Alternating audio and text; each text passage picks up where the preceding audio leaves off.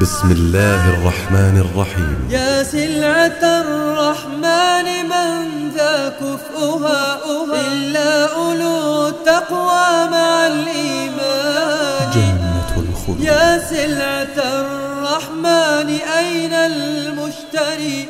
فلقد عرضت بأيسار الأثمان. أين جنة الخلد العروس المنتظرة. فاسمع صفات عرائس الجنات ثم اختر لنفسك يا أخا العرفان. العروس المنتظرة. وهي العروب بشكلها وبدلها وتحبب للزوج كل أوان أمنية المسلم. للعبد فيها خيمة من لؤلؤ قد جوفت ريحانة نونية. ستون ميلا طولها في الجو في كل الزوايا أجمل النسوان ولباسهم من سندس خضر ومن استبرق نوعان معروفات وصف الجنة ما ذاك من دود بنى من فوقه تلك البيوت وعادها طيران. وصف الجنة كلا ولا نسيت على المنوال نسج ثيابنا بالقطن والكتان. وصف الجنة. والله لو جالست نفسك خاليا. القادسية. تقدم الإصدار الثاني من نونية ابن القيم في وصف الجنة. وصف الجنة. وسنتناولها من البيت رقم 4931 إلى البيت رقم 5698 وصف الجنة. بصوت الأخ فارس عباد. يا خاطب الحور الحسان وطالبا لوصالهن بجنة الحيوان. لو كنت تدري من خطبت وما طلبت بذلت ما تحوي من الأثمان. أو كنت تعرف أين مسكنها جعلت السعي منك لها على الأجفان. ولقد وصفت طريق مسكنها فإن رمت الوصال فلا تكن متواني. أسرع وحث السير جهدك إنما مسراك هذا ساعة لزماني فاعشق وحدث بالوصال النفس وابذل مهرها ما دمت ذا إمكان. واجعل صيامك دون لقياها ويوم الوصل يوم الفطر من رمضان. واجعل نعوت جمالها الحادي وسر تلقى المخاوف وهي ذات أمان. لا يلهينك منزل لعبت به أيدي البلا مذ سالف الأزمان. فلقد ترحل عنه كل مسرة وتبدلت بالهم والأحزان. سجن يضيق بصاحب الإيمان لكن جنة المأوى لذي الكفران. سكانها أهل الجهالة والبطالة والسفاهة أنجس السكان. وألذهم عيشا فأجهلهم بحق الله ثم حقائق القرآن. عبرت بهم هذه الديار وأغفرت منهم ربوع العلم والإيمان. قد آثروا الدنيا ولذة عيشها الفاني على الجنات والرضوان. صاحبوا الأماني وابتلوا بحظوظهم ورضوا بكل مذلة وهوان. كدحا وكدا لا يفتر عنهم ما فيه من غم ومن أحزان. والله لو شاهدت هاتيك الصدور رأيتها كمراجل النيران ووقودها الشهوات والحسرات والآلام لا تخبو على الأزمان. أبدانهم أجداث هاتيك النفوس اللاء قد قبرت مع الأبدان. أرواحهم في وحشة وجسومهم في كدحها لا في رضا الرحمن. هربوا من الرق الذي خلقوا له فبلوا برق النفس والشيطان. لا ترضى ما اختاروه هم لنفوسهم فقد ارتضوا بالذل والحرمان. لو ساوت الدنيا جناح بعوضة لم يسق منها الرب ذا الكفران. لكنها والله أحقر عنده من ذا الجناح القاصر الطيران. ولقد تولت بعد عن أصحابها فالسعد منها حل في الدبران. لا يرتجى منها الوفاء لصبها أين الوفى من غادر خوان؟ طبعت على كدر فكيف ينالها؟ صفوا أهذا قط في الإمكان. يا عاشق الدنيا تأهب للذي قد ناله العشاق كل زمان. أو ما سمعت بلا رأيت مصارع العشاق من شيب ومن شبان. فاسمع إذا أوصافها وصفاتها تلك المنازل ربة الإحسان. هي جنة طابت وطاب نعيمها فنعيمها باق وليس بفاني. دار السلام وجنة المأوى ومنزل عسكر الإيمان والقرآن. فالدار دار سلامة وخطابهم فيها سلام واسم ذي الغفران. درجاتها مئة وما بين اثنتين فذاك في التحقيق للحسبان. مثل الذي بين السماء وبين هذه الأرض قول الصادق البرهان. لكن عاليها هو الفردوس مسقوف بعرش الخالق الرحمن. وسط الجنان وعلوها فلذاك كانت قبة من أحسن البنيان. منه تفجر سائر الأنهار فالمنبوع منه نازلا بجنان. أبوابها حق ثمانية أتت في النصف وهي لصاحب الإحسان. باب الجهاد وذاك أعلاها وباب الصوم يدعى الباب بالريان. ولكل سعي صالح باب ورب السعي منه داخل بأمان. ولسوف يدعى المرء من أبوابها جمعا إذا وفى حل الإيمان.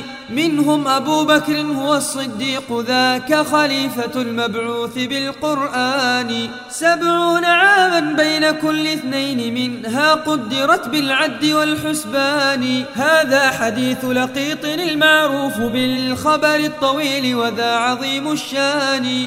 وعليه كل جلالة ومهابة ولكم حواه بعد من عرفان.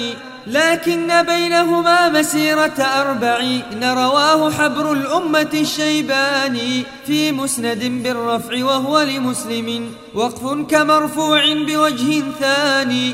ولقد روي تقديره بثلاثة الأيام لكن عند ذي العرفان.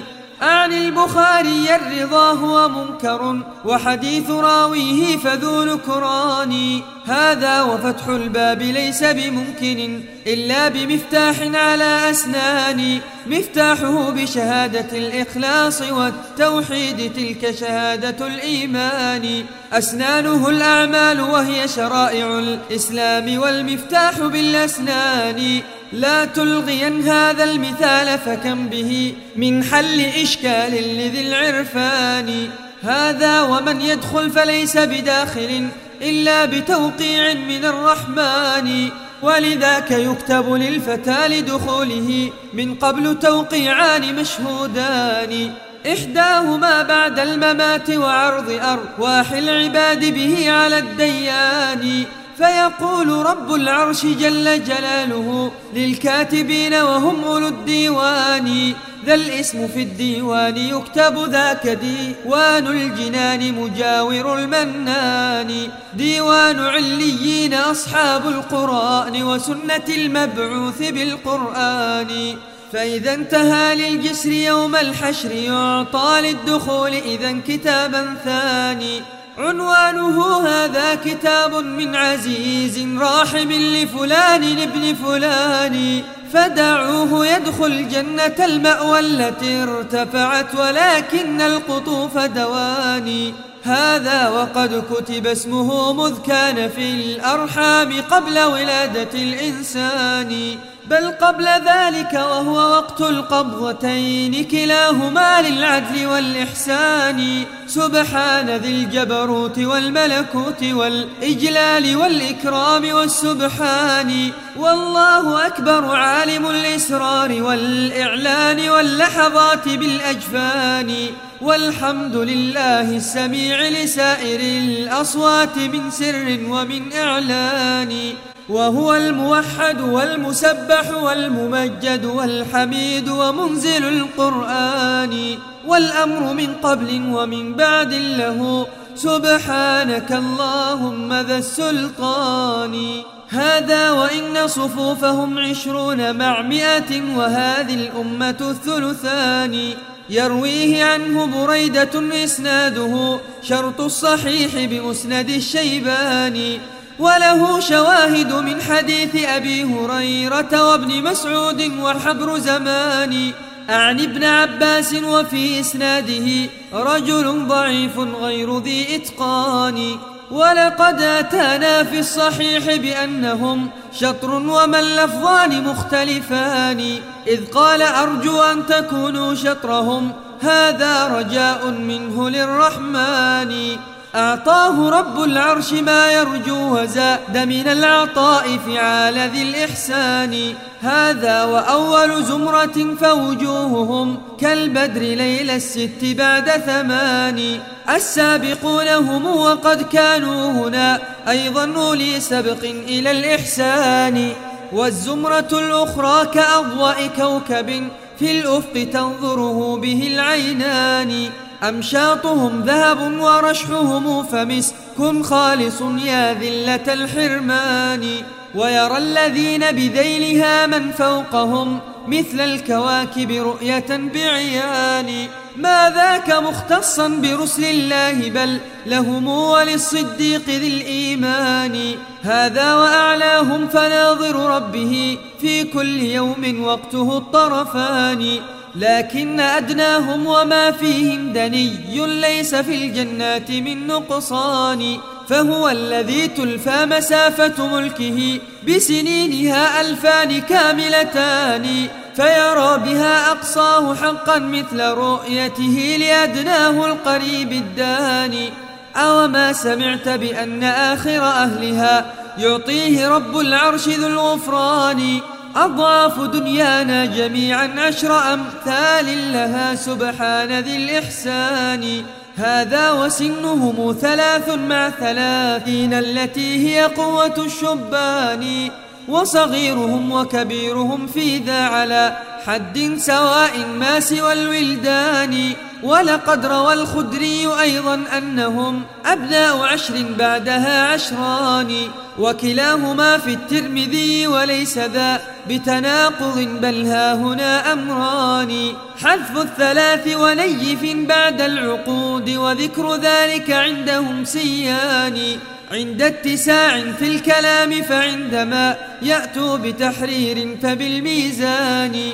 والطول طول أبيهم ستون لكن عرضهم سبع بلا نقصان. والطول صح بغير شك في الصحيحين اللذين هما لنا شمسان. والعرض لم نعرفه في إحداهما لكن رواه أحمد الشيباني. هذا ولا يخفى التناسب بينها ذا العرض والطول البديع الشاني كل على مقدار صاحبه وذا تقدير متقن صنعة الإنسان. ألوانهم بيض وليس لهم لحى. جعد الشعور مكحل الأجفان. هذا كمال الحسن في أبشارهم وشعورهم وكذلك العينان. ولقد أتى أثر بأن لسانهم بالمنطق العربي خير لسان. لكن في إسناده نظر ففيه راويان وما هما ثبتان. أعلي العلاء هو ابن عمرو ثم يحيى الأشعري وذان مغموزان والريح توجد من مسيرة أربعين وإن تشى مئة فمرويان. وكذا روي سبعين أيضا صحها ذا كله وأتى به أثران. ما في رجالهما لنا من مطعن والجمع بين الكل ذو إمكان. ولقد أتى تقديره مئة بخمس ضربها من غير ما نقصان. إن صح هذا فهو أيضا والذي من قبله في غاية الإمكان. إما بحسب المدركين لريحها قربا وبعدا ما هما سيان أو باختلاف قرارها وعلوها أيضا وذلك واضح التبيان. أو باختلاف السير أيضا فهو أنواع بقدر إطاقة الإنسان. ما بين ألفاظ الرسول تناقض بل ذاك في الأفهام والأذهان ونظير هذا سبق أهل الفقر للجنات في تقديره أثران مئة بخمس ضربها أو أربعين كلاهما في ذاك محفوظان فأبو هريرة قد روى أولاهما وروى لنا الثاني صحابيان هذا بحسب تفاوت الفقراء في استحقاق سبقهم إلى الإحسان أو ذا بحسب تفاوت في الأغنياء كلاهما لا شك موجودان. هذا وأولهم دخولا خير خلق الله من قد خص بالفرقان. والأنبياء على مراتبهم من التفضيل تلك مواهب المنان. هذا وأمة أحمد سباق باقي الخلق عند دخولهم لجنان. وأحقهم بالسبق أسبقهم إلى الإسلام والإيمان والتصديق بالقرآن. ولذا أبو بكر هو الصديق أسبقهم دخولا قول ذي البرهان. وروى ابن ماجة أن أولهم يصافحه إله العرش ذو الإحسان. ويكون أولهم دخولا جنة الفردوس ذلك قامع الكفران. فاروق دين الله ناصر قوله ورسوله وشرائع الإيمان لكنه أثر ضعيف فيه مجروح يسمى خالدا ببيان. لو صح كان عمومه المخصوص بالصديق قطعا غير ذي نكران. هذا وأولهم دخولا فهو حماد على الحالات للرحمن. إن كان في السراء أصبح حامدا أو كان في الضراء فحمد ثاني. هذا الذي هو عارف بإلهه وصفاته وكماله الرباني. وكذا الشهيد فسبقه متيقن وهو الجدير بذلك الإحسان وكذلك المملوك حين يقوم بالحقين سباقا بغير تواني وكذا فقير ذو عيال ليس بالملحاح بل ذو عفة وصيان. والجنة اسم الجنس وهي كثيرة جدا ولكن أصلها نوعان ذهبيتان بكل ما حوتاه من حل وآنية ومن بنيان وكذاك أيضا فضة ثنتان من حل وبنيان وكل أواني لكن دار الخلد والمأوى وعدن والسلام إضافة لمعاني. أوصافها استدعت إضافتها إليها مدحة في غاية التبيان لكنما الفردوس أعلاها وأوسطها مساكن صفوة الرحمن. أعلاه منزلة لأعلى الخلق منزلة هو المبعوث بالقرآن. وهي الوسيلة وهي أعلى رتبة خلصت له فضلا من الرحمن. ولقد أتى في سورة الرحمن تفصيل الجنان مفصلا ببيان. هي أربع ثنتان فاضلتان ثم يليهما ثنتان مفضولان. فالأوليان الفضليان لأوجه عشر ويعسر نظمها بوزان. وإذا تأملت السياق وجدتها فيه تلوح لمن له عينان. سبحان من غرست يداه جنة الفردوس عند تكامل البنيان ويداه أيضا أتقنت لبنائها فتبارك الرحمن أعظم باني. هي في الجنان كآدم وكلاهما تفضيله من أجل هذا الشان. لكنما الجهمي ليس لديه من ذا الفضل شيء فهو ذو نكران. ولد عقوق عق والده ولم يثبت بذا فضلا على الشيطان فكلاهما تأثير قدرته وتأثير المشيئة ليس ثم يدان. إلا هما أو نعمتاه وخلقه كل بنعمة ربه المنان. لما قضى رب العباد الغرس قال تكلمي فتكلمت ببيان. قد أفلح العبد الذي هو مؤمن. ماذا ادخرت له من الإحسان؟ ولقد روى حقا أبو الدرداء ذاك عويمر أثرا عظيم الشان. يهتز قلب العبد عند سماعه ضربا بقدر حلاوة الإيمان. ما مثله أبدا يقال برأيه. أو كان يا أهلا بذا العرفان. فيه النزول ثلاث ساعات فإحداهن ينظر في الكتاب الثاني يمحو ويثبت ما يشاء بحكمة وبعزة وبرحمة وحنان فترى الفتى يمسي على حال ويصبح في سواها ما هما مثلان. هو نائم وأموره قد دبرت ليلا ولا يدري بذاك الشان. والساعة الأخرى إلى عدن مساكن أهله هم صفوة الرحمن والرسل ثم الأنبياء ومعهم الصديق حسب فلا تكن بجبان. فيها الذي والله لا عين رأت كلا ولا سمعت به أذنان. كلا ولا قلب به خطر المثال له تعالى الله ذو السلطان والساعة الأخرى إلى هذه السماء يقول هل من تائب ندمان أو داع أو مستغفر أو سائل أعطيه إني واسع الإحسان حتى تصلى الفجر يشهدها مع الأملاك تلك شهادة القرآن هذا الحديث بطوله وسياقه وتمامه في سنة الطبراني وبناؤها اللبنات من ذهب وأخرى فضة نوعان مختلفان. وقصورها من لؤلؤ وزبرجد أو فضة أو خالص العقيان. وكذاك من در وياقوت به نظم البناء بغاية الإتقان. والطين مسك خالص أو زعفران جاب ذا أثران مقبولان. ليسا بمختلفين لا تنكرهما فهما الملاط لذلك البنيان. والأرض مرمرة كخالص فضة مثل المرات تنالها العينان.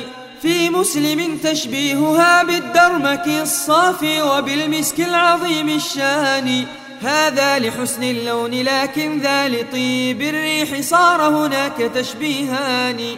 حصباؤها در وياقوت كذاك. لآلئ نثرت كنثر جمان. وترابها من زعفران أو من المسك الذي ما استل من غزلان. غرفاتها في الجو ينظر بطنها من ظهرها والظهر من بطنان. سكانها أهل القيام مع الصيام الجنة درجة عالية. والصعود للعلياء لأصحاب الهمم العالية. لله قوم أخلصوا في حبه فاختصهم وأتى بهم خداما. قوم إذا عم الظلام عليهم قاموا فكانوا سجدا وقياما. فسيفرحون بورد حوض محمد وسيسكنون من الجنان خياما. سكانها أهل القيام مع الصيام وطيب الكلمات والإحسان. ثنتان خالص حقه سبحانه وعبيده أيضا لهم ثنتان للعبد فيها خيمة من لؤلؤ قد جوفت هي صنعة الرحمن. ستون ميلا طولها في الجو في كل الزوايا أجمل النسوان. يغشى الجميع فلا يشاهد بعضهم بعضا وهذا لاتساع مكان. فيها مقاصير بها الأبواب من ذهب ودر زين بالمرجان. وخيامها منصوبة برياضها وشواطئ الأنهار ذي الجريان. ما في الخيام سوى التي لو قابلت. للنيرين لقلت منكسفان. لله هاتيك الخيام فكم بها. للقلب من علق ومن أشجان. فيهن حور قاصرات الطرف خيرات حسان هن خير حسان. خيرات أخلاق حسان أوجها فالحسن والإحسان متفقان. فيها الأرائك وهي من سرور عليهن. الحجال كثيرة الألوان لا تستحق اسم الأرائك دونها. تلك الحجال وذاك وضع لساني بشخانة يدعونها بلسان فارس وهو ظهر البيت ذو الأركان. أشجارها نوعان منها ما له في هذه الدنيا مثال داني كالسدر أصل النبق مخضود مكان الشوق من ثمر ذوي ألوان. هذا وظل السدر من خير الظلال ونفعه الترويح للأبدان. وثماره أيضا ذوات منافع من بعضها تفريح ذي الأحزان. والطلح وهو الموز منضود كما نضدت يد بأصابع وبنان. أو أنه شجر البوادي موقرا حملا مكان الشوك في الأغصان وكذلك الرمان والأعناب والنخل التي منها القطوف دوان. هذا ونوع ما له في هذه الدنيا نظير كي يرى بعيان. يكفي من التعداد قول إلهنا من كل فاكهة بها زوجان. وأتوا به متشابها في اللون مختلف الطعوم فذاك ذو ألوان. أو أنه متشابه في الاسم مختلف الطعوم فذاك قول ثاني. أو أنه وسط خيار كله فالفحل فيه ليس ذا ثنيان. أو أنه لثمارنا ذو شبه في اسم ولون ليس يختلفان. لكن بهجتها ولذة طعمها أمر سوى هذا الذي تجدان فيلذها في الأكل عند منالها وتلذها من قبله العينان. قال ابن عباس وما بالجنة العليا سوى أسماء ما تريان. يعني الحقائق لا تماثل هذه وكلاهما في الاسم متفقان. يا طيب هاتيك الثمار وغرسها في المسك ذاك الترب للبستان وكذلك الماء الذي يسقى به يا طيب ذاك الورد للظمآن. وإذا تناولت الثمار أتت نظيرتها فحلت دونها بمكان. لم تنقطع أبدا ولم ترقب مسير الشمس من حمل إلى ميزان. وكذاك لم تمنع ولم تحتج إلى أن ترتقى للقنو في العيدان. بل ذللت تلك القطوف فكيف ما شئت انتزعت بأسهل الإمكان. ولقد أتى أثر بأن الساق من ذهب رواه الترمذي ببيان. قال ابن عباس وهاتيك الجذوع زمرد من أحسن الألوان. ومقطعاتهم من الكرب الذي فيها ومن سعف من العقيان وثمارها ما فيه من عجم كأمثال القلال فجل ذو الإحسان. وظلالها ممدودة ليست تقي حرا ولا شمسا وأناذان أوما سمعت بظل أصل واحد فيه لسير الراكب العجلان. مئة سنين قدرت لا تنقضي هذا لعظم الأصل والأفنان. ولقد روى الخدري أيضا أن طوبى قدرها مئة بلا نقصان. تتفتح الأكمام منها عن لباسهم بما شاءوا من الألوان. قال ابن عباس ويرسل ربنا ريحا تهز ذوائب الأغصان. فتثير أصواتا تلذ لمسمع الإنسان كالنغمات بالأوزان. يا لذة الأسماع لا تتعوضي بلذاذة الأوتار والعيدان. أوما سمعت سماعهم فيها غناء الحور بالأصوات والألحان. وهل لذياك السماع فإنه ملئت به الأذنان بالإحسان؟ وهل لذياك السماع وطيبه من مثل أقمار على أغصان؟ وهل لذياك السماع فكم به للقلب من طرب ومن أشجان؟ وهل لذياك السماع ولم أقل ذياك تصغيرا له بلساني؟ ما ظن سامعة بصوت أطيب الأصوات من حور الجنان حساني نحن النواعب والخوالد خيرات كاملات الحسن والإحسان. لسنا نموت ولا نخاف وما لنا سخط ولا ضغن من الأضغان. طوبى لمن كنا له وكذاك طوبى للذي هو حظنا الحقاني.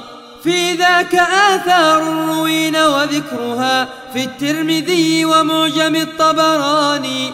ورواه يحيى شيخ الأوزاعي تفسيرا للفظة يحبرون أغاني. نزه سماعك إن أردت سماع ذياك الغنى عن هذه الألحان.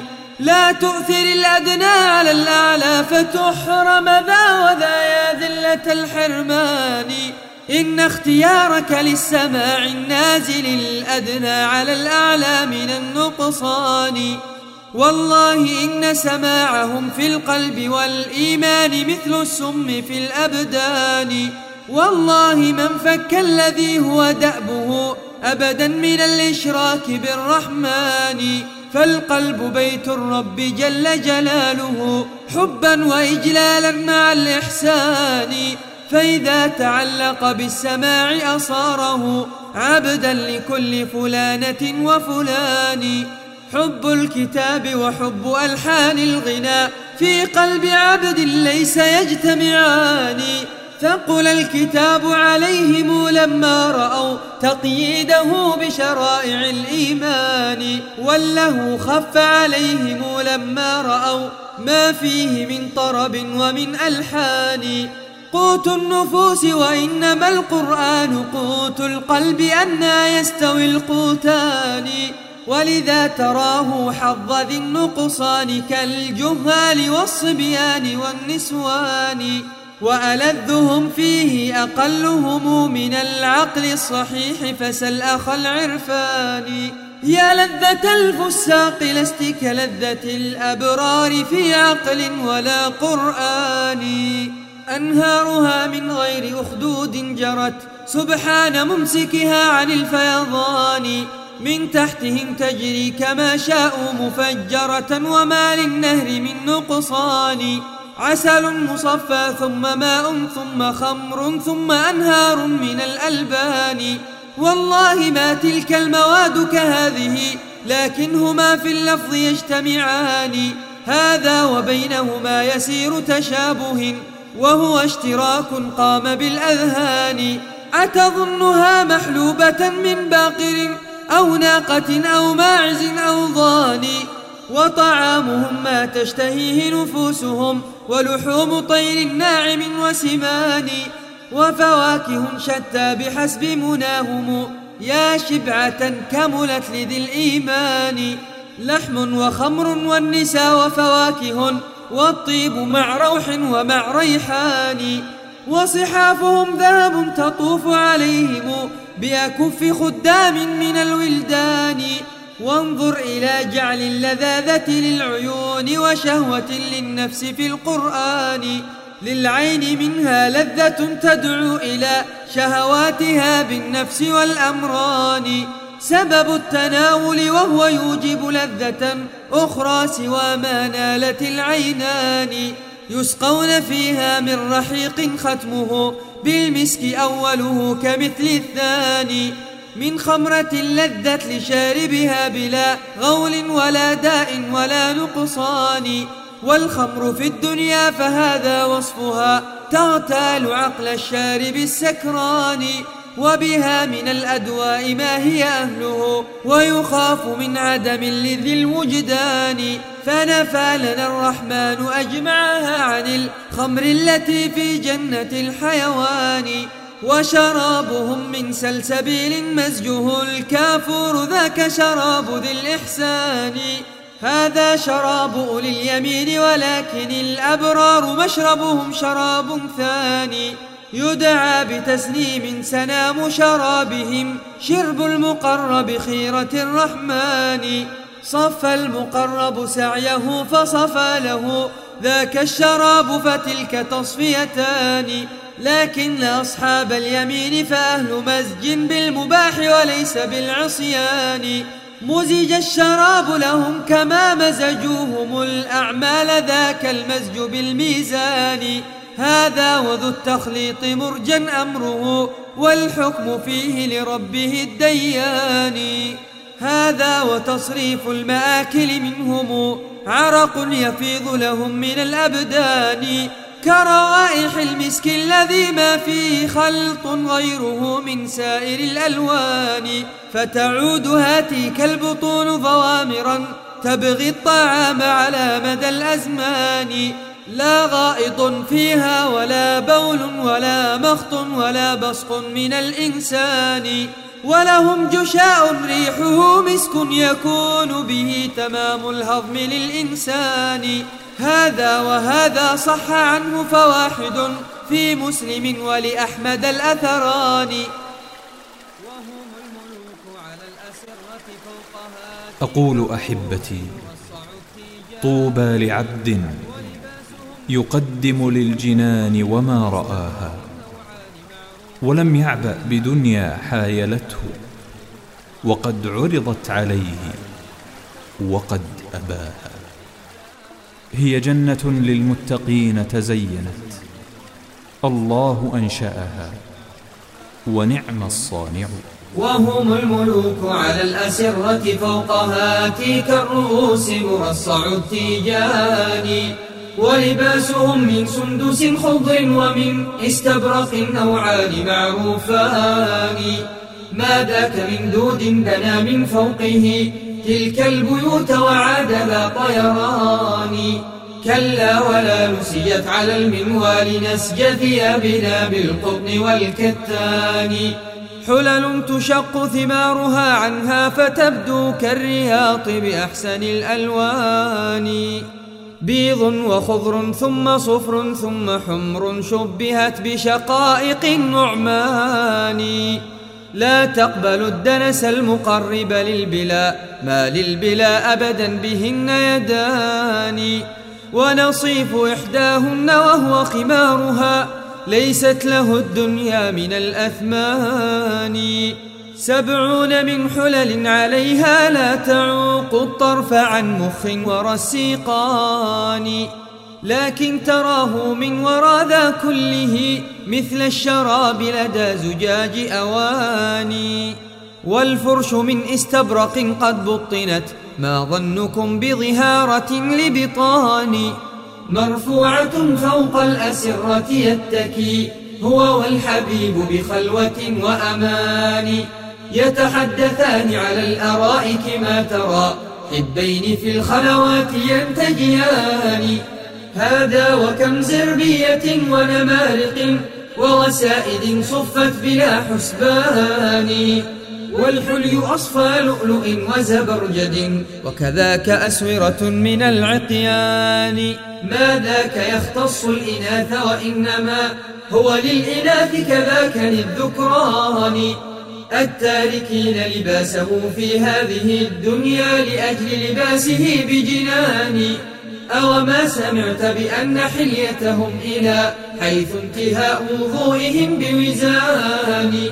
وكذا وضوء أبي هريرة كان قد فازت به العضدان والساقان. وسواه أنكر ذا عليه قائلا ما الساق موضع حلية الإنسان؟ ما ذاك إلا موضع الكعبين والزندين للساقان والعضدان. ولذاك أهل الفقه مختلفون في هذا وفيه عندهم قولان. والراجح الأقوى انتهاء وضوئنا للمرفقين كذلك الكعبان. هذا الذي قد حده الرحمن في القرآن لا تعدل عن القرآن. واحفظ حدود الرب لا تتعدها وكذاك لا تجنح إلى النقصان. وانظر إلى فعل الرسول تجده قد أبدى المراد وجاء بالتبيان. ومن استطاع يطيل غرته فموقوف على الراوي هو الفوقان. فأبو هريرة قال ذا من كيسه فغدا يميزه أولو العرفان. ونعيم الراوي له قد شك في رفع الحديث كذا روى الشيباني وإطالة الغرات ليس بممكن أبدا وذا في غاية التبيان يا من يطوف بكعبة الحسن التي حفت بذاك الحجر والأركان ويظل يسعى دائما حول الصفا ومحسر مسعاه للعلمان. ويروم قربان الوصال على منا والخيف يحجبه عن القربان. فلذا تراه محرما أبدا وموضع حله منه فليس بداني يبغي التمتع مفردا عن حبه متجردا يبغي شفيع قراني فيظل بالجمرات يرمي قلبه هذه مناسكه بكل زمان. والناس قد قضوا مناسكهم وقد حثوا ركائبهم إلى الأوطان وحدت بهم همم لهم وعزائم نحو المنازل أول الأزمان. رفعت لهم في السير أعلام الوصال فشمروا يا خيبة الكسلان. ورأوا على بعد خياما مشرفات مشرقات النور والبرهان. فتيمموا تلك الخيام فآنسوا فيهن أقمار بلا نقصان. من قاصرات الطرف لا تبغي سوى محبوبها من سائر الشبان. قصرت عليه طرفها من حسنه فالطرف في ذا الوجه للنسوان. أو أنها قصرت عليها طرفه من حسنها فالطرف للذكران. والأول المعهود من وضع الخطاب فلا تحد عن ظاهر القرآن. ولربما دلت إشارته على الثاني فتلك إشارة لمعاني. هذا وليس القاصرات كمن غدت مقصورة فهما إذا صنفان. يا مطلق الطرف المعذب في الأولى جردن عن حسن وعن إحسان. لا تسبينك صورة من تحتها الداء الدوي تبوء بالخسران. قبحت خلائقها وقبح فعلها شيطانة في صورة الإنسان. تنقاد للأنذال والأرذال هم أكفاؤها من دون ذي الإحسان. ما ثم من دين ولا عقل ولا خلق ولا خوف من الرحمن. وجمالها زور ومصنوع فإن تركته لم تطمح لها العينان. طبعت على ترك الحفاظ فما لها بوفاء حق البعل قط يدان. إن قصر الساعي عليها ساعة قالت وهل أوليت من إحسان؟ أو رام تقويما لها استعصت ولم تقبل سوى التعويج والنقصان. أفكارها في المكر والكيد الذي قد حار فيه فكرة الإنسان. فجمالها قشر رقيق تحته. ما شئت من عيب ومن نقصان. نقد رديء فوقه من فضة. شيء يظن به من الأثمان. فالناقدون يرون ماذا تحته والناس أكثرهم من العميان. أما جميلات الوجوه فخائنات بعولهن وهن للأخدان والحافظات الغيب منهن التي قد أصبحت فردا من النسوان. فانظر مصارع من يليك ومن خلا من قبل من شيب ومن شبان. وارغب بعقلك أن تبيع العالي الباقي بذا الأدنى الذي هو فاني. إن كان قد أعياك خود مثل ما تبغي ولم تظفر إلى ذا الآن. فاخطب من الرحمن خودا ثم قدم مهرها ما دمت ذا إمكان. ذاك النكاح عليك أيسر إن يكن لك نسبة للعلم والإيمان. والله لم تخرج إلى الدنيا للذ للذة عيشها أو للحطام الفاني. لكن خرجت لكي تعد الزاد للأخرى فجئت بأقبح الخسران. أهملت جمع الزاد حتى فات بل فات الذي ألهاك عن ذا الشان والله لو أن القلوب سليمة لتقطعت أسفا من الحرمان. لكنها سكرى بحب حياتها الدنيا وسوف تفيق بعد زمان. إنها دار خلود وبقاء. لا فيها بأس ولا شقاء ولا أحزان ولا بكاء.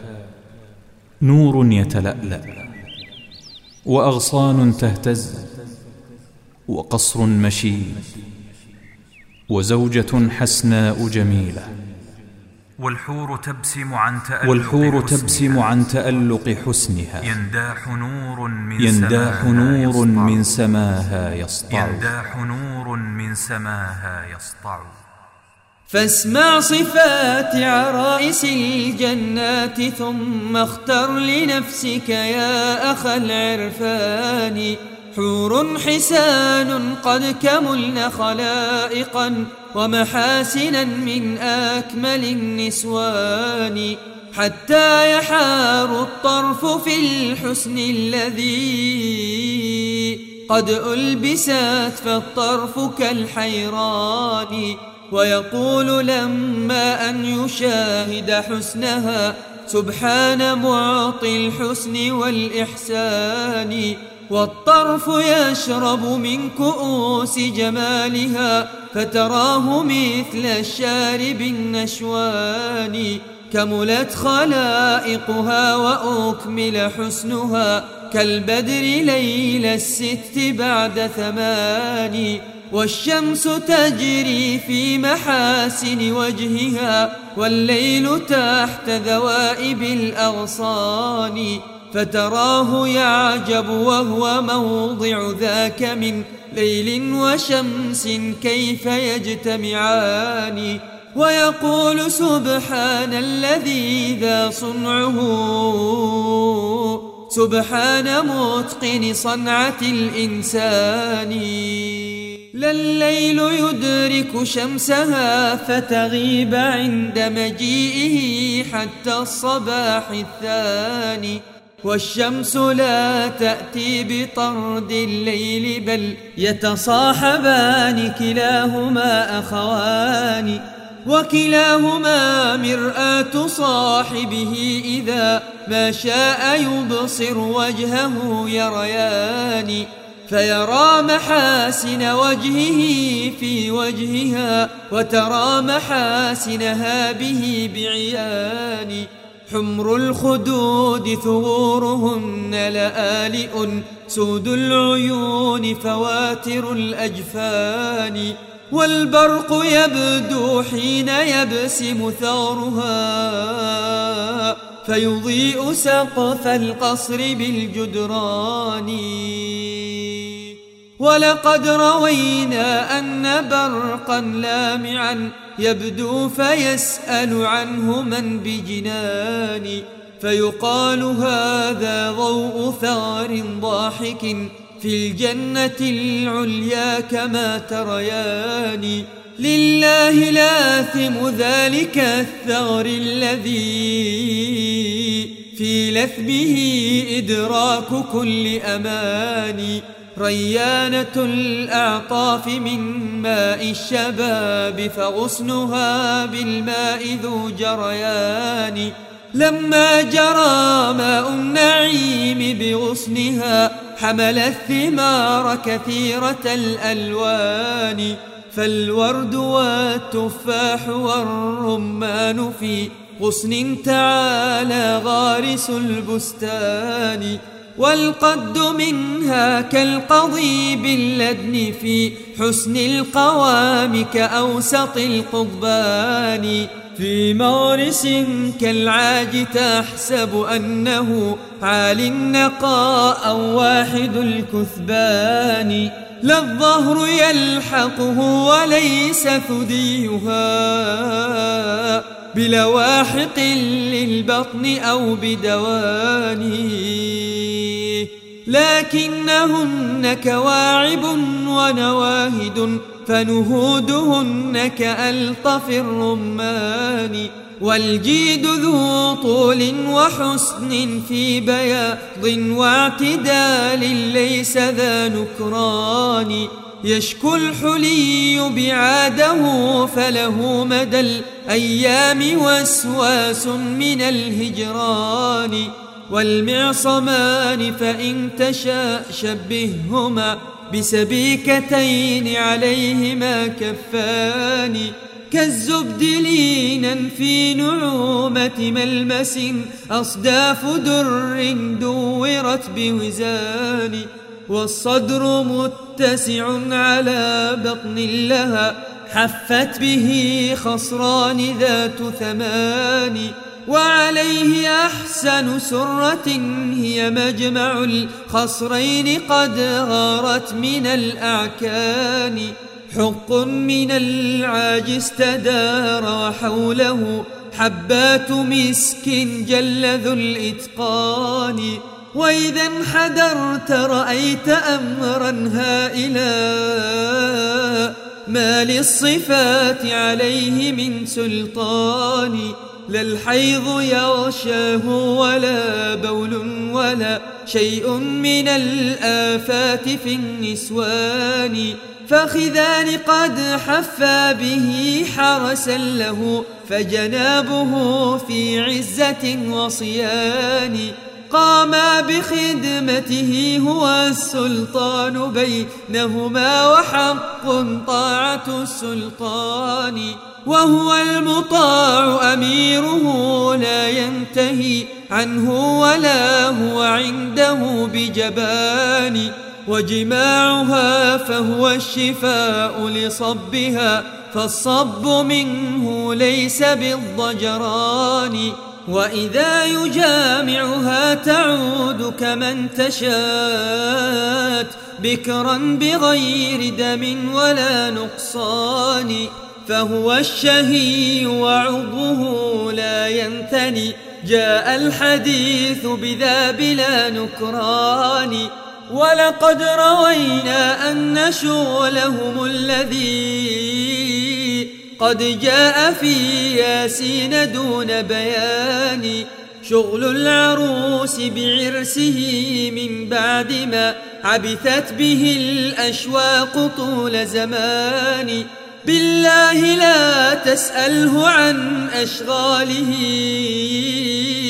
تلك الليالي شأنه ذو شان واضرب له مثلا بصب غاب عن محبوبه في شاسع البلدان والشوق يزعجه إليه وما له بلقائه سبب من الإمكان وافى إليه بعد طول مغيبه.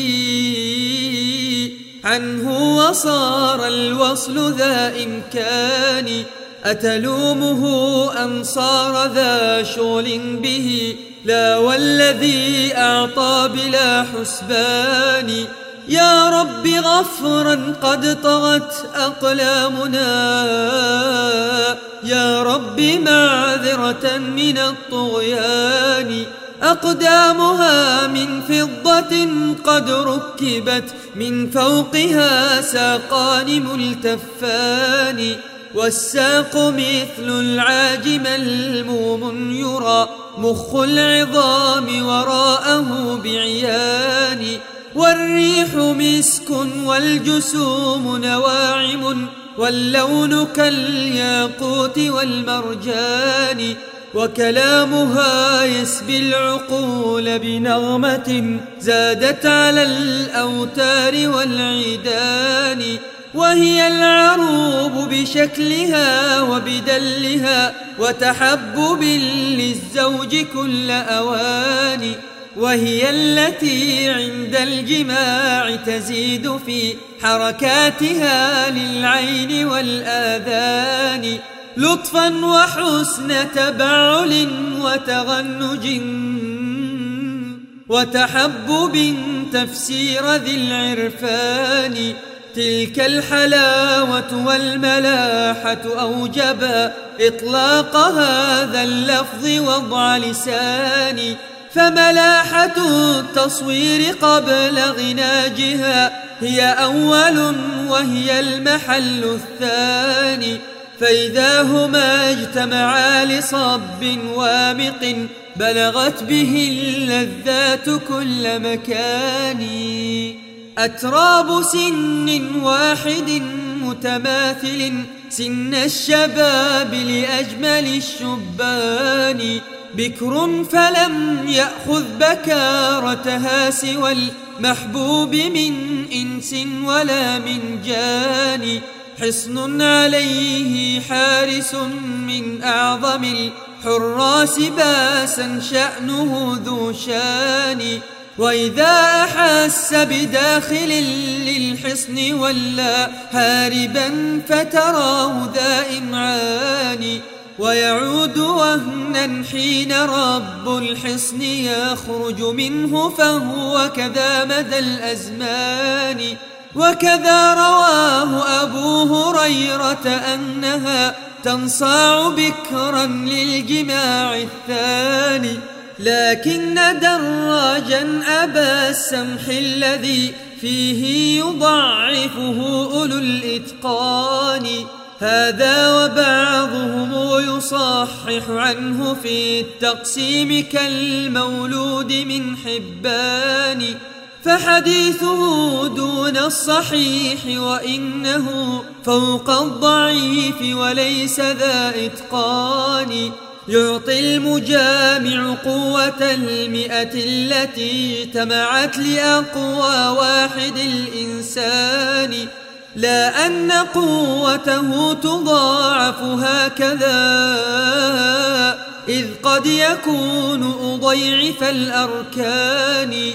ويكون أقوى منه ذا نقص من الإيمان والأعمال والإحسان.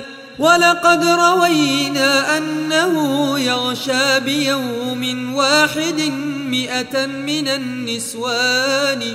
ورجاله شرط الصحيح رووا لهم فيه وذا في معجم الطبراني هذا دليل أن قدر نسائهم متفاوت بتفاوت الإيمان وبه يزول توهم الإشكال عن تلك النصوص بمنة الرحمن وبقوة المئة التي حصلت له. أفضى إلى مئة بلا خران. وأعفهم في هذه الدنيا هو الأقوى هناك لزهده في الفاني فاجمع قواك لما هناك وغمض العينين واصبر ساعة لزمان. ما ها هنا والله ما يسوى قلامة ظفر واحدة ترى بجنان ما ها هنا إلا النفار وسيء الأخلاق مع عيب ومع نقصان هم وغم دائم لا ينتهي حتى الطلاق أو الفراق الثاني. والله قد جعل النساء عوانيان شرعا فأضحى البعل وهو العاني. لا تؤثر الأدنى على الأعلى فإن تفعل رجعت بذلة وهوان. وإذا بدت في حلة من لبسها وتمايلت كتمايل النشوان. تهتز كالغصن الرطيب وحمله ورد وتفاح على رمان وتبخترت في مشيها ويحق ذاك لمثلها في جنة الحيوان ووصائف من خلفها وأمامها وعلى شمائلها وعن أيمان كالبدر ليلة تمه قد حف في غسق الدجى بكواكب الميزان فالطرف منه وقلبه ولسانه في الدهش والإعجاب والسبحان والقلب قبل زفافها في عرسه والعرس إثر العرس متصلان. حتى إذا ما واجهته تقابلا أرأيت قط تقابل القمران؟ فسل المتيم هل يحل الصبر عن ضم وتقبيل وعن فلتان؟ وسل المتيم أين خلف صبره؟ في أي واد أم بأي مكان؟ وسل المتيم كيف حالته وقد ملئت له الأذنان والعينان من منطق رقت حواشيه ووجه كم به للشمس من جريان وسل المتيم كيف عيشته إذا وهما على فرشيهما خلوان يتساقطان لآلئا منثورات من بين منظوم كنظم جمان وسل المتيم كيف مجلسه مع المحبوب في روح وفي ريحان. وتدور كاسات الرحيق عليهما بأكف أقمار من الولدان. يتنازعان الكأس هذا مرة والخوض أخرى ثم يتكئان فيضمها وتضمه أرأيت معشوقين بعد البعد يلتقيان غاب الرقيب وغاب كل منكد وهما بثوب الوصل مشتملان أتراهما ضجرين من ذا العيش لا وحياة ربك ما هما ضجران ويزيد كل منهما حبا لصاحبه جديدا سائر الأزمان فوصاله يكسوه حبا بعده متسلسلا لا ينتهي بزمان فالوصل محفوف بحب سابق وبلاحق وكلاهما صنوان. فرق لطيف بين ذاك وبين ذا. يدريه ذو شغل بهذا الشان ومزيدهم في كل وقت حاصل. سبحان ذي الملكوت والسلطان.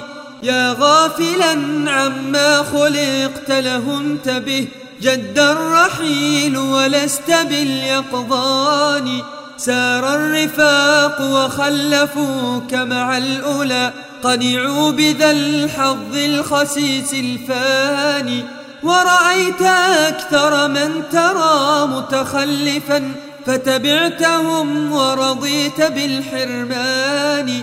لكن أتيت بخطتي عجز وجهل بعد ذا وصحبت كل أمان منتك نفسك باللحاق مع القعود عن المسير وراحة الأبدان ولسوف تعلم حين ينكشف الغطاء ماذا أضعت وكنت ذا إمكاني والناس بينهم خلاف هل بها حبل وفي هذا لهم قولان؟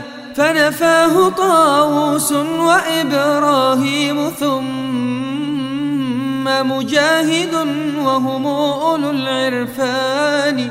وروى العقيلي الصدوق أبو رزين صاحب المبعوث بالقرآن ألا توالد في الجنان رواه تعليقا محمد العظيم الشان. وحكاه عنه الترمذي وقال إسحاق بن إبراهيم ذو الإتقان. لا يشتهى ولد بها ولو اشتهاه لكان ذاك محقق الإمكان ورواه هشام لابنه عن عامر عن ناجي عن سعد بن سنان أن المنعم في الجنان إذا اشتهى الولد الذي هو نسخة الإنسان فالحمل ثم الوضع ثم السن في فرد من الساعات في الأزمان. إسناده عندي صحيح قد رواه الترمذي وأحمد الشيباني ورجال ذا الإسناد محتج بهم في مسلم وهم أولو إتقان. لكن غريب ما له من شاهد فرد بذا الإسناد ليس بثاني. لولا حديث أبي رزين كان ذا كالنص يقرب منه في التبيان.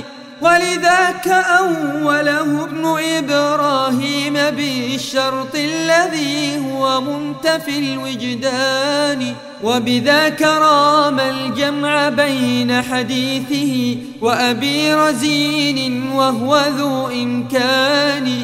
هذا وفي تأويله نظر فإن إذا لتحقيق وذي إيقان. ولربما جاءت لغير تحقق والعكس في إن ذاك وضع لسان.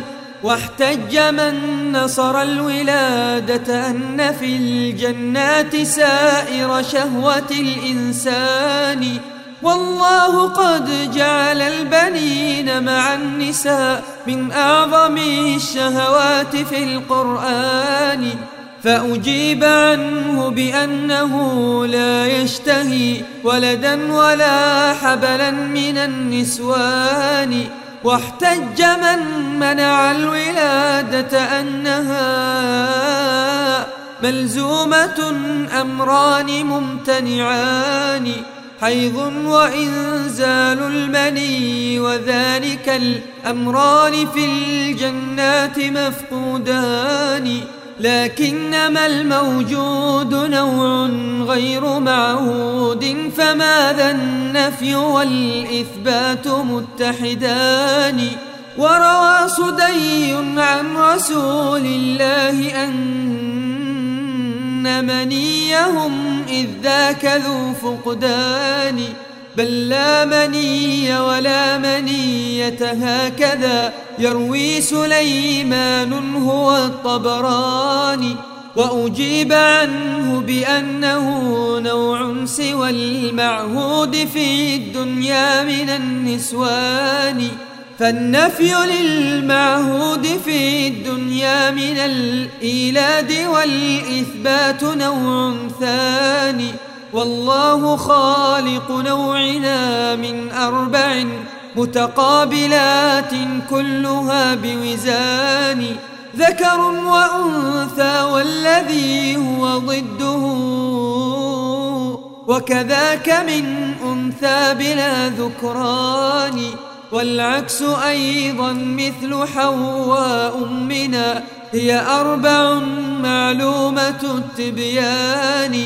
وكذاك مولود الجنان يجوز أن يأتي بلا حيض ولا فيضان والأمر في ذا ممكن في نفسه والقطع ممتنع بلا برهان.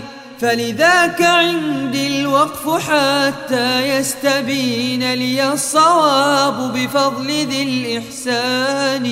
ويرونه سبحانه من فوقهم نظر العيان كما يرى القمران. هذا تواتر عن رسول الله لم ينكره إلا فاسد الإيمان. وأتى به القرآن تصريحا وتعريضا هما بسياقه نوعان. وهي الزيادة قد أتت في يونس. تفسير من قد جاء بالقرآن ورواه عنه مسلم بصحيحه. يروي صهيب ذا بلا كتمان وهو المزيد كذاك فسره أبو بكر هو الصديق ذو الإيقان. وعليه أصحاب الرسول وتابعوا هم بعدهم تبعية الإحسان. ولقد أتى ذكر اللقاء لربنا الرحمن في سور من القرآن. ولقاؤه إذ ذاك رؤيته حكى الإجماع فيه جماعة ببيان. وعليه أصحاب الحديث جميعهم لغة وعرفا ليس يختلفان. هذا ويكفي أنه سبحانه وصف الوجوه بنظرة بجنان وأعاد أيضا وصفها نظرا وذا لا شك يفهم رؤية بعيان. واتت أداة إلى لرفع الوهم من فكر كذاك ترقب الإنسان وأضافه لمحل رؤيتهم بذكر الوجه إذ قامت به العينان. تالله ما هذا بفكر وانتظار مغيب أو رؤية بجنان.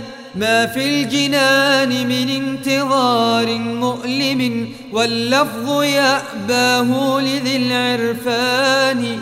لا تفسدوا لفظ الكتاب فليس فيه حيلة يا فرقة الروغان. ما فوق ذا التصريح شيء ما الذي يأتي به من بعد ذا التبيان؟ لو قال أبين ما يقال لقلتم هو مجمل ما فيه من تبيان. ولقد أتى في سورة التطفيف أن القوم قد حجبوا عن الرحمن. فيدل بالمفهوم أن المؤمنين يرونه في جنة الحيوان. وبذا استدل الشافعي وأحمد وسواهما من عالم الأزمان وأتى بذا المفهوم تصريحا بآخرها فلا تخدع عن القرآن وأتى بذاك مكذبا للكافرين الساخرين بشيعة الرحمن ضحكوا من الكفار يومئذ كما ضحكوهم منهم على الإيمان وأثابهم نظرا إليه ضد ما قد قاله فيهم أولو الكفران فلذاك فسرها الأئمة أنه نظر إلى الرب العظيم الشان لله ذاك الفهم يؤتيه الذي هو أهله من جاد بالإحسان. وروى ابن ماجة مسندا عن جابر خبرا وشاهده ففي القرآن. بيناهم في عيشهم وسرورهم ونعيمهم في لذة وتهاني. وإذا بنور ساطع قد أشرقت منه الجنان قصيها والداني رفعوا إليه رؤوسهم فرأوه نور الرب لا يخفى على إنسان. وإذا بربهم تعالى فوقهم قد جاء للتسليم بالإحسان. قال السلام عليكم فيرونه جهرا تراه منهم العينان مصداق ذا ياسين قد ضمنته عند القول من رب بهم رحمن من رد ذا فعلى رسول الله رد وسوف عند الله يلتقيان. في ذا الحديث علوه وكلامه ومجيئه حتى يرى بعيان. هذه أصول الدين في مضمونه. لا قول جهم صاحب البهتان. وكذا حديث أبي هريرة ذلك الخبر الطويل أتى به الشيخان. فيه تجلي الرب جل جلاله ومجيئه وكلامه ببيان.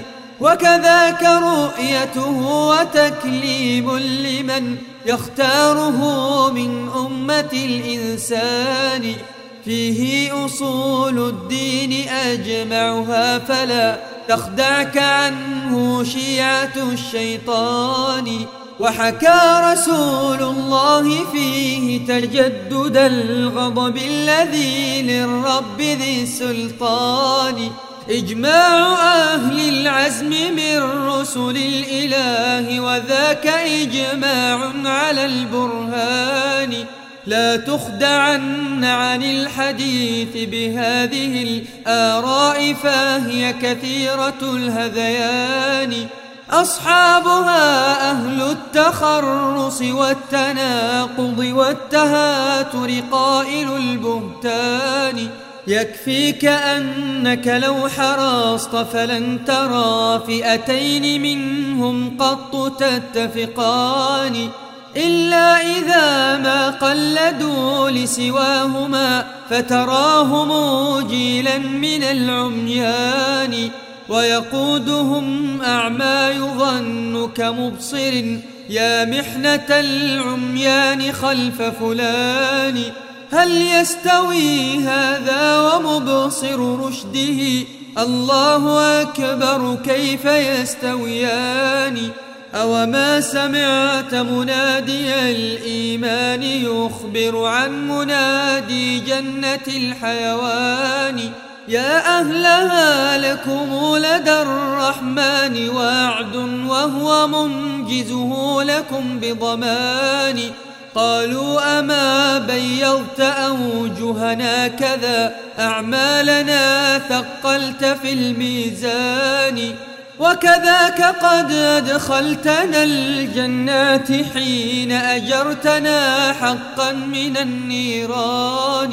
فيقول عندي موعد قد آن أن أعطيكموه برحمتي وحناني فيرونه من بعد كشف حجابه.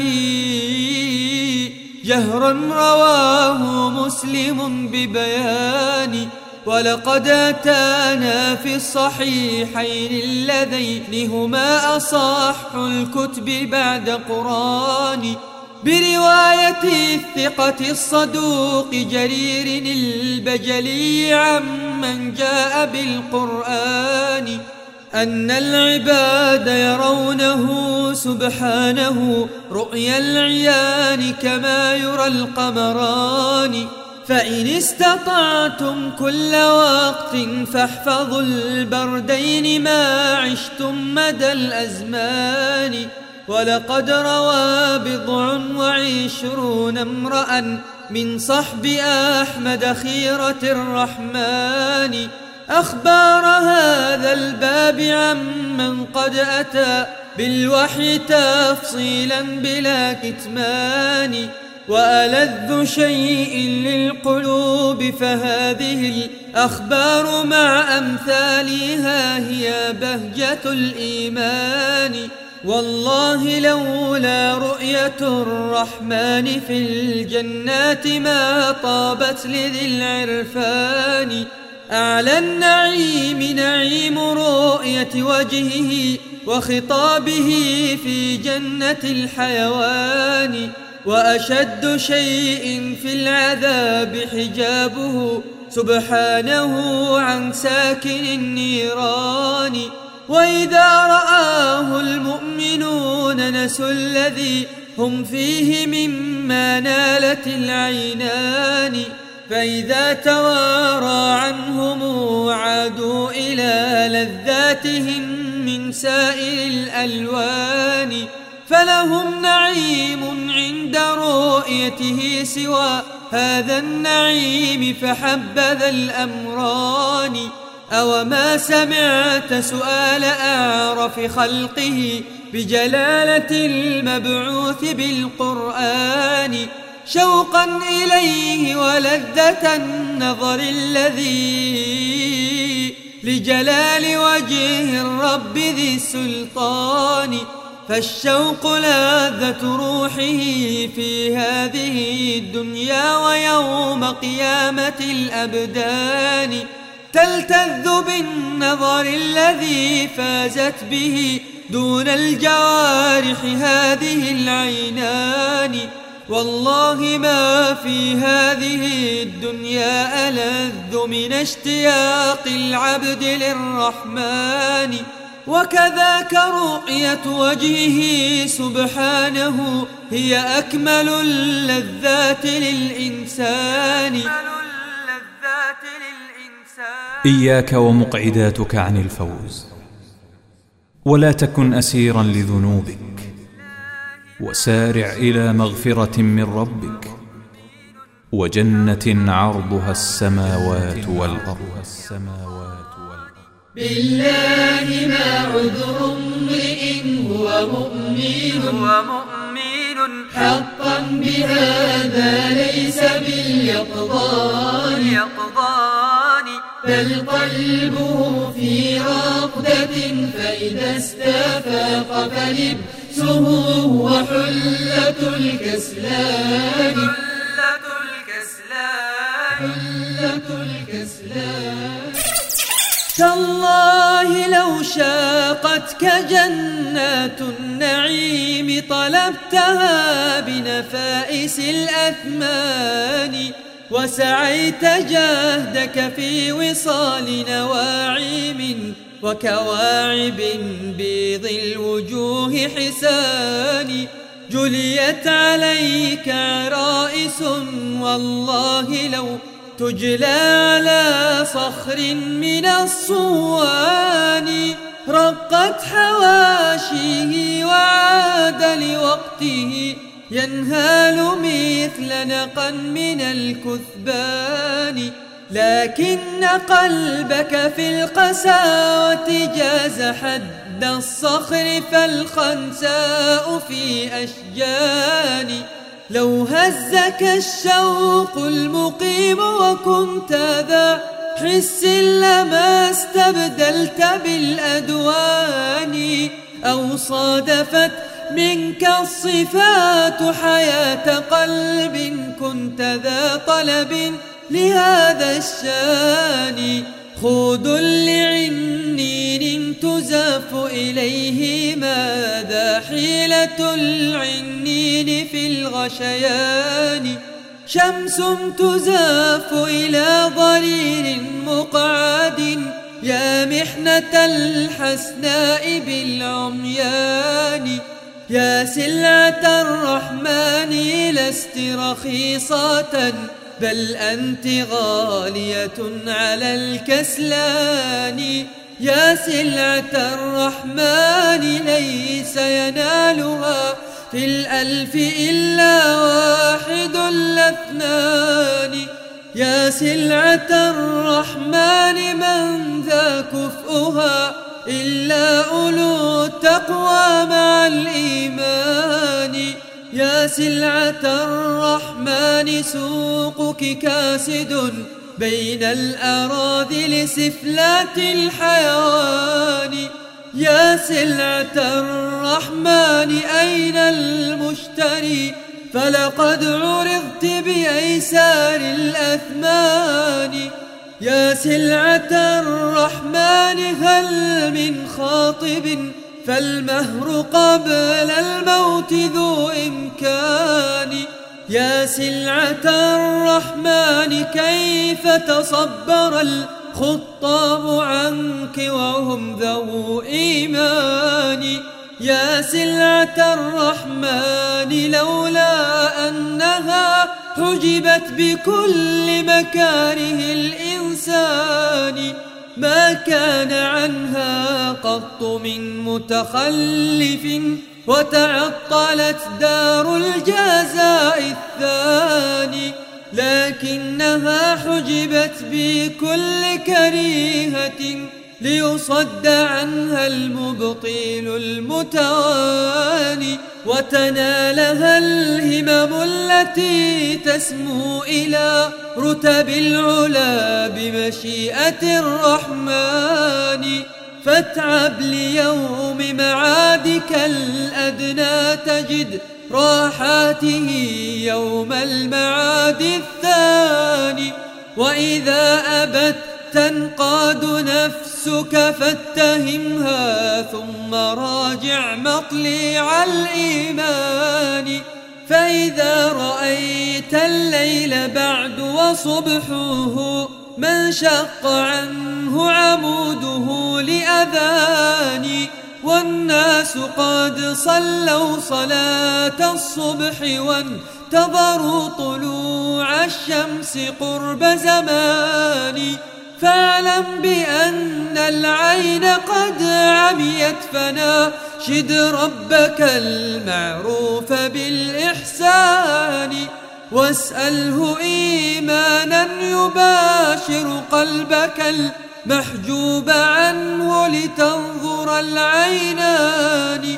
واسأله نورا هاديا يهديك في طرق المسير إليه كل أواني.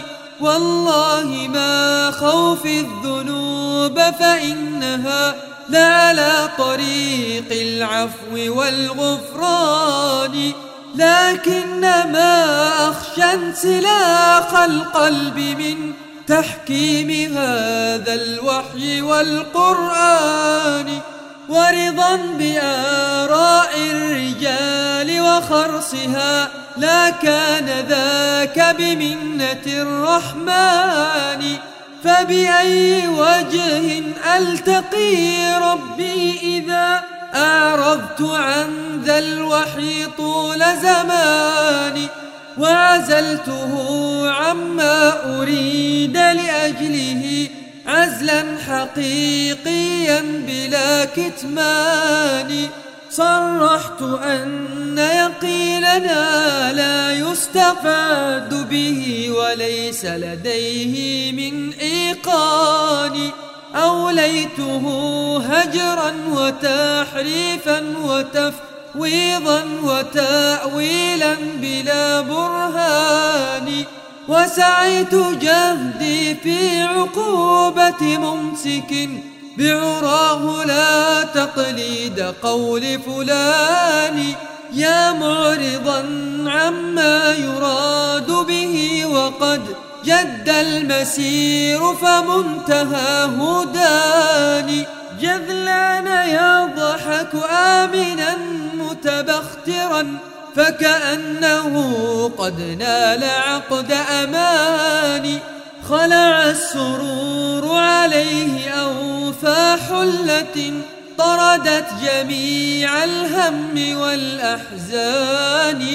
يختال في حلل المسرة ناسيا ما بعدها من حلة الأكفان. ما سعيه إلا لطيب العيش في الدنيا ولو أفضى إلى النيران. قد باع طيب العيش في دار النعيم بذا الحطام المضمحل الفاني إني أظنك لا تصدق كونه بالقرب بل ظن بلا إيقان. بل قد سمعت الناس قالوا جنة أيضا ونار بل لهم قولان. والوقف مذهبك الذي تختاره وإذا انتهى الإيمان للرجحان لم تؤثر الأدنى عليه وقالت النفس التي اشتغلت على الشيطان أتبيع نقدا حاصلا بنسيئة بعد الممات وقيد الأكوان لو أنه بنسيئة الدنيا لهان الأمر لكن في معاد ثاني دع ما سمعت الناس قالوه وخذ ما قد رأيت مشاهدا بعياني. والله لو جالست نفسك خاليا وبحثتها بحثا بلا روغان. لرأيت هذا كامنا فيها ولو أمنت لألقته إلى الآذان. هذا هو السر الذي من أجله اختارت عليه العاجل المتداني. نقد قد اشتدت إليه حاجة منها ولم يحصل لها بهوان أتبيعه بنسيئة في غيرها ذي الدار بعد قيامة الأبدان. هذا وإن جزمت بها قطعا ولكن حظها في حيز الإمكان. ما ذاك قطعيا لها والحاصل الموجود مشهود برأي عيان. فتألفت من بين شهوتها وشبهتها قياسات من البطلان واستنتجت منها رضا بالعاجل الأدنى على الموعود بعد زمان وأتى من التأويل كل ملائم لمرادها يا رقة الإيمان وصغت إلى شبهات أهل الشرك والتعطيل مع نقص من العرفان. واستنقصت أهل الهدى ورأتهم في الناس كالغرباء في البلدان. ورأت عقول الناس دائرة على جمع الحطام وخدمة السلطان وعلى المليحة والمليح وعشرة الأحباب والأصحاب والإخوان فاستوعرت ترك الجميع ولم تجد عوضا تلذ به من الإحسان فالقلب ليس يقر إلا في إناء فهو دون الجسم ذو جولان. يبغي له سكنا يلذ بقربه فتراه شبه الواله الحيران. فيحب هذا ثم يهوى غيره فيظل منتقلا مدى الأزمان لو نال كل مليحة ورياسات لم يطمئن وكان ذا دوران بل لو ينال بأسرها الدنيا لما قرت بما قد ناله العينان نقل فؤادك حيث شئت من الهوى واختر لنفسك أحسن الإنسان. فالقلب مضطر إلى محبوبه الأعلى فلا يفنيه حب ثاني. وصلاحه وفلاحه ونعيمه تجريد هذا الحب للرحمن فإذا تخلى منه أصبح حائرا ويعود في ذا الكون ذا هيمان. كنتم مع نونية بن القيم في وصف الجنة. من البيت رقم 4931 إلى البيت رقم خمسة آلاف وخمسمائة وإحدى عشر. ومن البيت رقم خمسة آلاف وستمائة وخمسة وعشرين. إلى البيت رقم خمسة آلاف وستمائة وثمانية وتسعين. تم هذا العمل في استوديو القادسية. تقبلوا تحيات إخوانكم في تسجيلات القادسية الإسلامية بالدمام.